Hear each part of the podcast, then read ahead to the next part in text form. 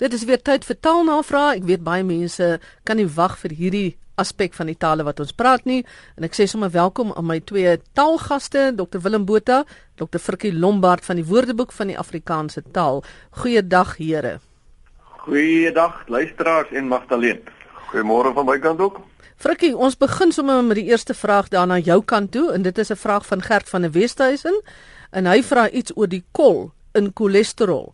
En hy vra of dit iets te doen het met die kol in kolera en melankolies. So die drie woorde cholesterol, kolera, melankolies, is daai kol iets in gemeen. Ja, ek het gedink dit is 'n uh, bitter interessante vraag wat uh, wat Gert hier gestel het. En miskien het hy vooraf kennis oor die saak, maar dit is baie interessant dat ons daaroor kan gesels. Die woord cholesterol kry ons uit Engels cholesterol en dit is eintlik 'n samestellende afleiding met wat dan eindig op in en van die Grieks kole of gal en stereos wat beteken hart of solied. En dit is so genoem omdat die stof gewoonlik as 'n vaste liggaam in gal voorkom en uit galstene geïsoleer kan word. Dus die die kol van cholesterol, daai CHOL kan teruggaan na die Grieks gal En in kolera is dit heeltemal dieselfde. Daardie kol gaan inderdaad terug na gal toe. So uh, Gert is heeltemal korrek daar. Die interessantheid verder is dat in melankolie en ek het 'n vermoede dat ons dat ek vroeër al daaroor gesels het, is daar mos ook 'n CHOL in die in melankolie en dit staan ook vir gal.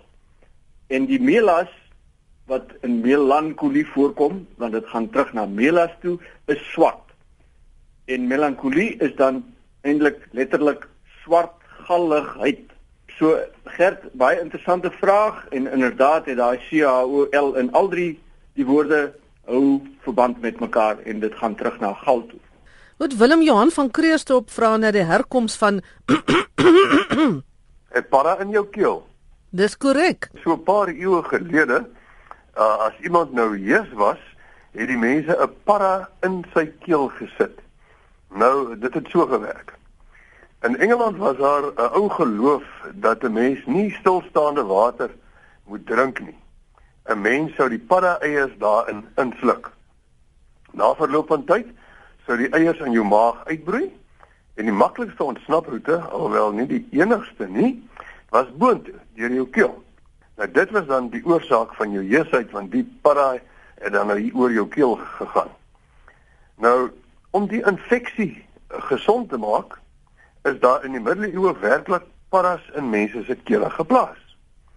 Nou die para is dan nou dat die fungusse in die keel sou dan daardeur vernietig word.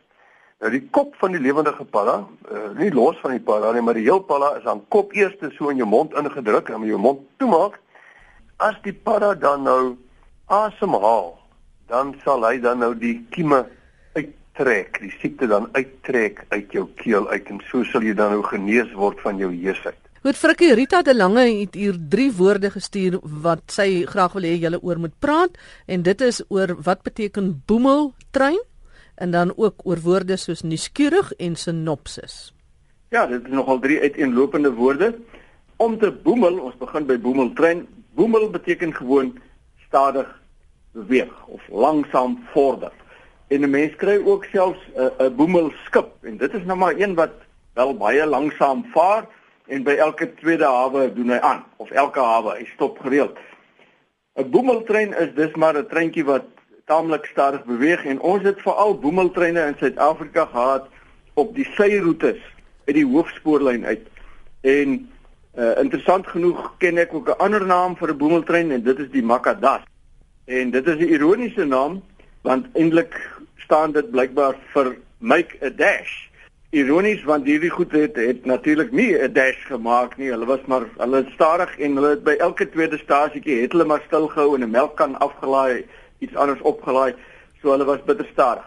Boemeltrein en boemelaar hou ook maar verband met mekaar. Jy weet iemand wat so stadig beweeg, beweeg en sy tyd neem en en dinge nie vinnig doen nie.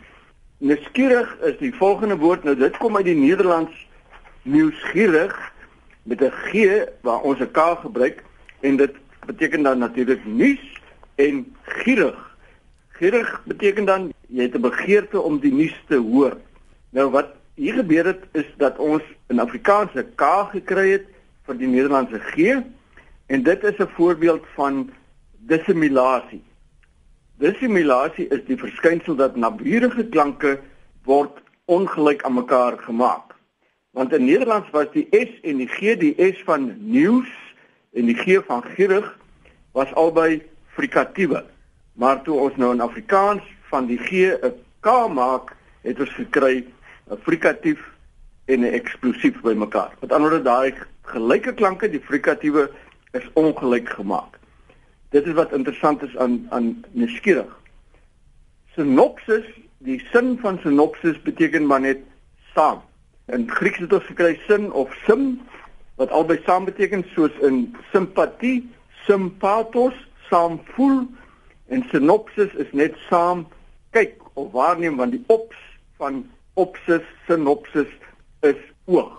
Met ander woorde, 'n sinopsis is iets wat jy eintlik met een oogopslag kan waarneem. En dit is wat ons vandag daaronder verstaan. Ons verstaan dis 'n samevatting.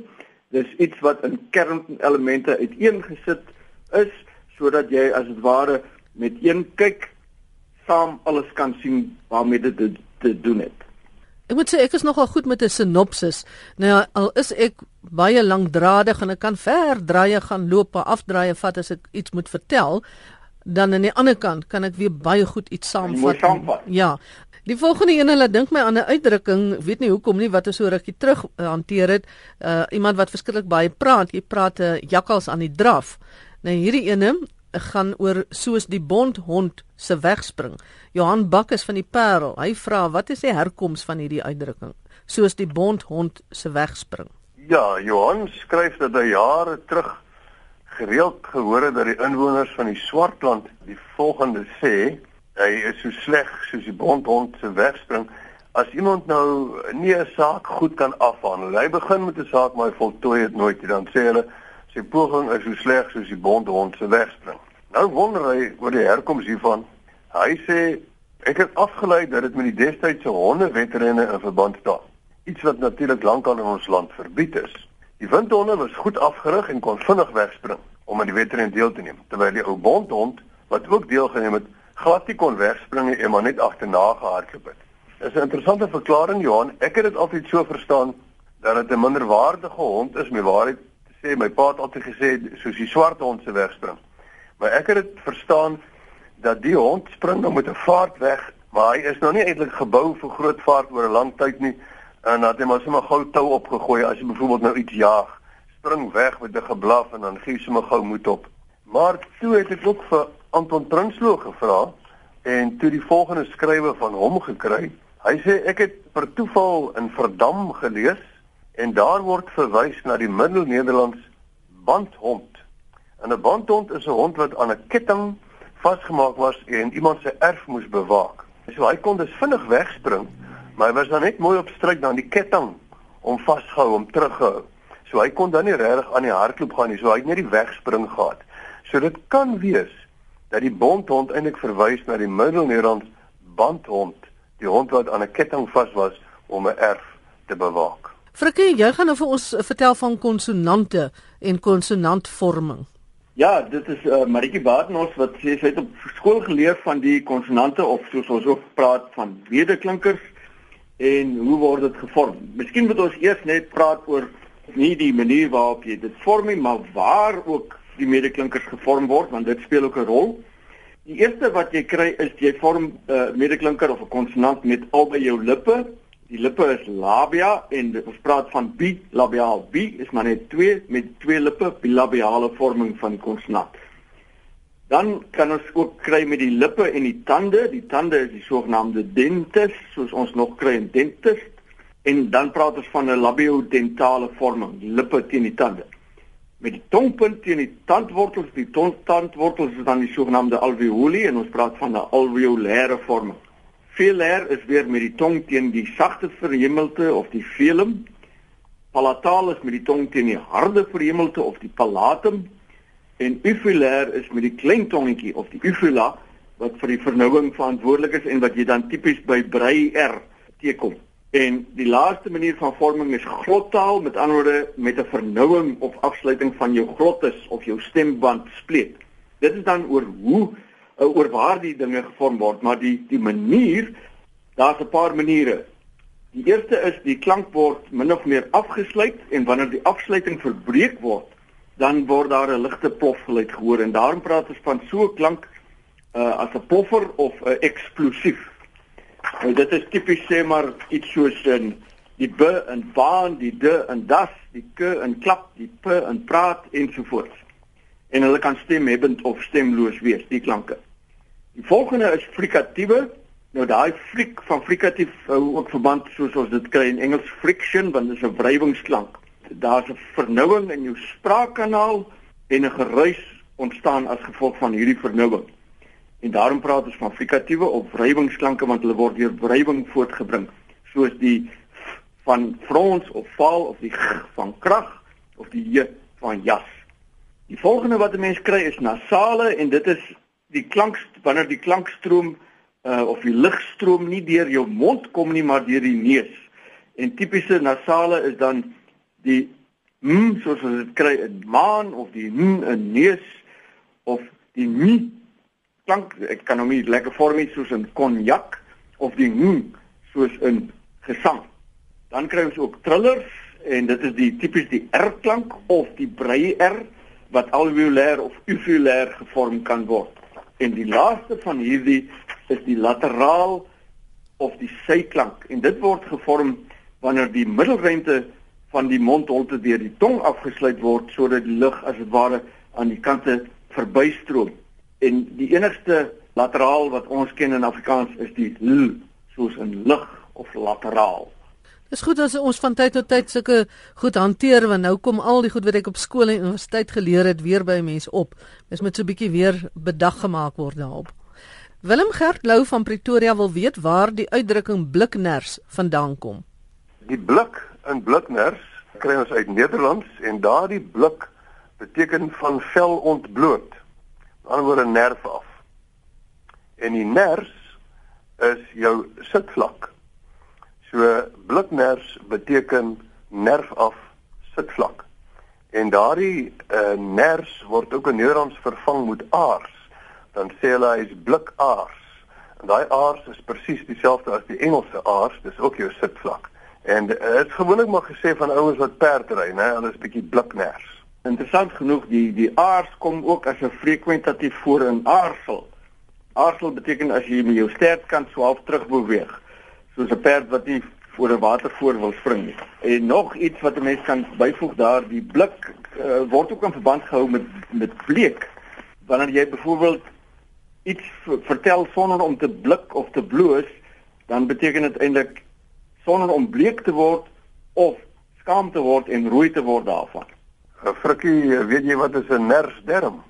Hm. Ja, is of 'n vetderm of is jou rectum. Ja. Goed en uh, Frikkie, ons gaan nou na jou toe dan.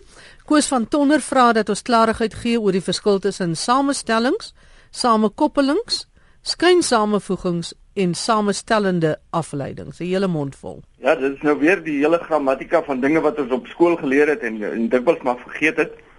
Nou wanneer uh, meer as een stam of 'n uh, basisvorm of 'n sentrale morfeem, hoe jy dit ook al wil noem, saamgevoeg word, dan ontstaan daar baie nuwe woorde.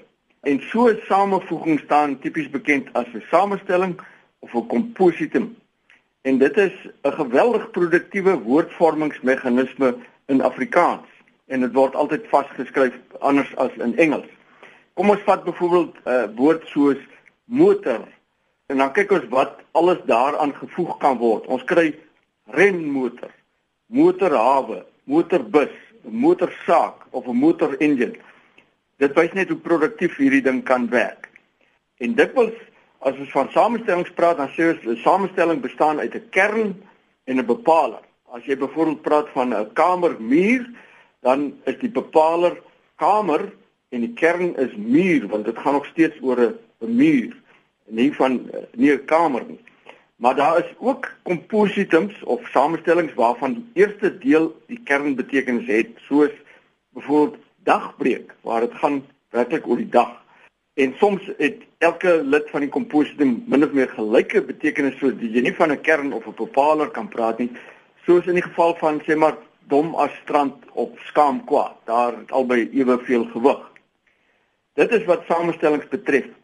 Samekoppeling is die verskynsel dat iets wat in 'n woordgroep los voorkom skielik vasgeskryf word vanweë 'n bepaalde betekenisverdigting wat ondergaan is. So kry ons die woordgroep suur lemoen wat dan letterlik 'n lemoen is wat maar suur proe teenoor die samekoppeling suur lemoen wat iets heeltemal anders is. En dit is 'n tipiese voorbeeld van samekoppeling. Samestellende afleiding is die proses wat waar jy kry dat samestelling en afleiding te gelyk plaasvind. Kom ons vat byvoorbeeld 'n woord soos dubbel plus sin. Nou dubbel, ons het nie 'n samestelling dubbel sin in Afrikaans wat vasgeskryf word. Maar ons kry wel iets soos dubbelsinnig. Dis dubbel plus sin plus die afleidingsmorfeem ig het almal te gelykertyd bymekaar gekom om 'n woord te vorm. Iets soos hardnekkig werk werk op dieselfde manier want ons het nie hardnek nie, maar ons het hart plus nek plus ig wat terselfdertyd saamgevoeg is en dan praat ons van samestellende afleiding. Nou die laaste is die sogenaamde skynsamestellings of skynsamevoegings. Dit lyk asof 'n woord uit twee of meer stamme bestaan, maar dit is glad nie die geval nie. Kom ons neem byvoorbeeld die woord skilpad. Die eerste eh, stam lyk dan asof dit skil kan wees, maar dit het niks te doen met skil nie. Dit is nie 'n skil nie. Om die waarheid te sê, dit kom van skildpad en dit is dan eintlik 'n padda met 'n skild daaroor was 'n skilpad oorspronklik. En vlermuis was oorspronklik vlerkmuis. Daai vler is dis nie 'n stam nie. Hy beteken niks, maar hy kom uit vlerk uit. Is 'n muis wat vlerke gehad het as dit ware. Volstruis is dieselfde. Wat beteken die vol dan nou? Niks. Dit inderdaad niks, maar dit kom uit vogel. Ons het gekry vogelstruis of soos die Nederlanders sê struisvogel. Nou, jy het nou verwys na volstruis. Kom ons sluit dan nou vandag se program af met nog 'n dier. En dit is aan Pieter Loupser Willem wat sê hy het nog geluister toe ons voorheen gepraat het oor die geluide wat diere maak en hy het interessante inligting nou na aanleiding van waar ons gesê het is ek dink ek het dit gesê dat 'n kameelperd nie 'n kenmerkende geluid het nie eintlik baie stil is. Magdalena hy stem saam met jou maar hy verskil ook van jou. Hy sê 'n kameelperde is meerendeels aan die stilkant maar 'n kameelperd kalfie kan bler of hy kan meow. Kameelperd koeie bulk as hulle hulle kalf kalwer soek of hulle kan fluit vir die kalwers. Die bulle maak 'n hoesgeluid as hulle aanlê by die koeie en dit kan ook gebeur dat uh, kameelperde proes, snork of blaas.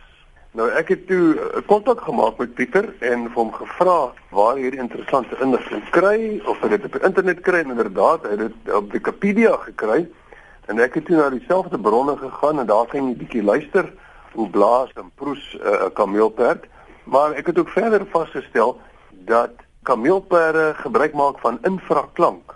Nou infra beteken onder of laer en dit is dan klankgolwe met baie lae frekwensie trillinge naamlik 20 of minder trillinge per sekonde. En die resultaat daarvan is dat daardie klank nie deur die menslike oor waarneembaar is nie. So ons dink die kameelperd is stil, maar hy is nie. En die kameelperd is nie die enigste dier wat van infraklank gebruik maak nie. Dit is veral walvisse, olifante, seekoeie, renosters, kameelperde en alligators. En uh die olifante is interessant en die walvisse veral omdat hulle oor geweldige afstande kan kommunikeer die walvisse tot op honderde kilometer. Nou ek aanvaar as die water wat dan so 'n goeie geleier is. Maar die olifante se infraklank wat hulle voortbring kan deur soliede grond oorgedra word en die ander olifante hoor dit dan nou tussen aanhalingstekens met hulle voete want hulle moet hierdie wel geweldige dik kan ek maar sê opgestopte voete en hulle voel die trillinge in die grond wat ons nie eers van weet nie. En dit kan ook oor honderde kilometer geskied. En dit word veral gebruik wanneer hulle beweeg. Kommunikasie tussen verskillende troppe om hulle bewegings te koördineer. So dit is nogal baie intelligent. En dit word ook gebruik wanneer olifante wil paar om oor 'n lang afstand vrybriewe te skryf. Laat my dink aan 'n kat byvoorbeeld, as 'n mens die rem van jou motor trap, jy dit is nie hoorbaar vir die menslike oor nie, maar katte kan daai geluid optel en dit is hoekom hulle weet dis jy wat nou aan die kom is met jou kar en, en honde ook waarskynlik. Maar nou ja, voordat ons nou heeltemal vir hoe verklaar jy dit oorneem, uh luisteraars onthou net hierna na hierdie program half 12 kan jy luister na hoe verklaar jy dit onder leiding van Chris Swanepoel. Intussen groet ek en my twee gaste Dr. Frikkie Lombard en Dr. Willem Botha tot 'n volgende keer.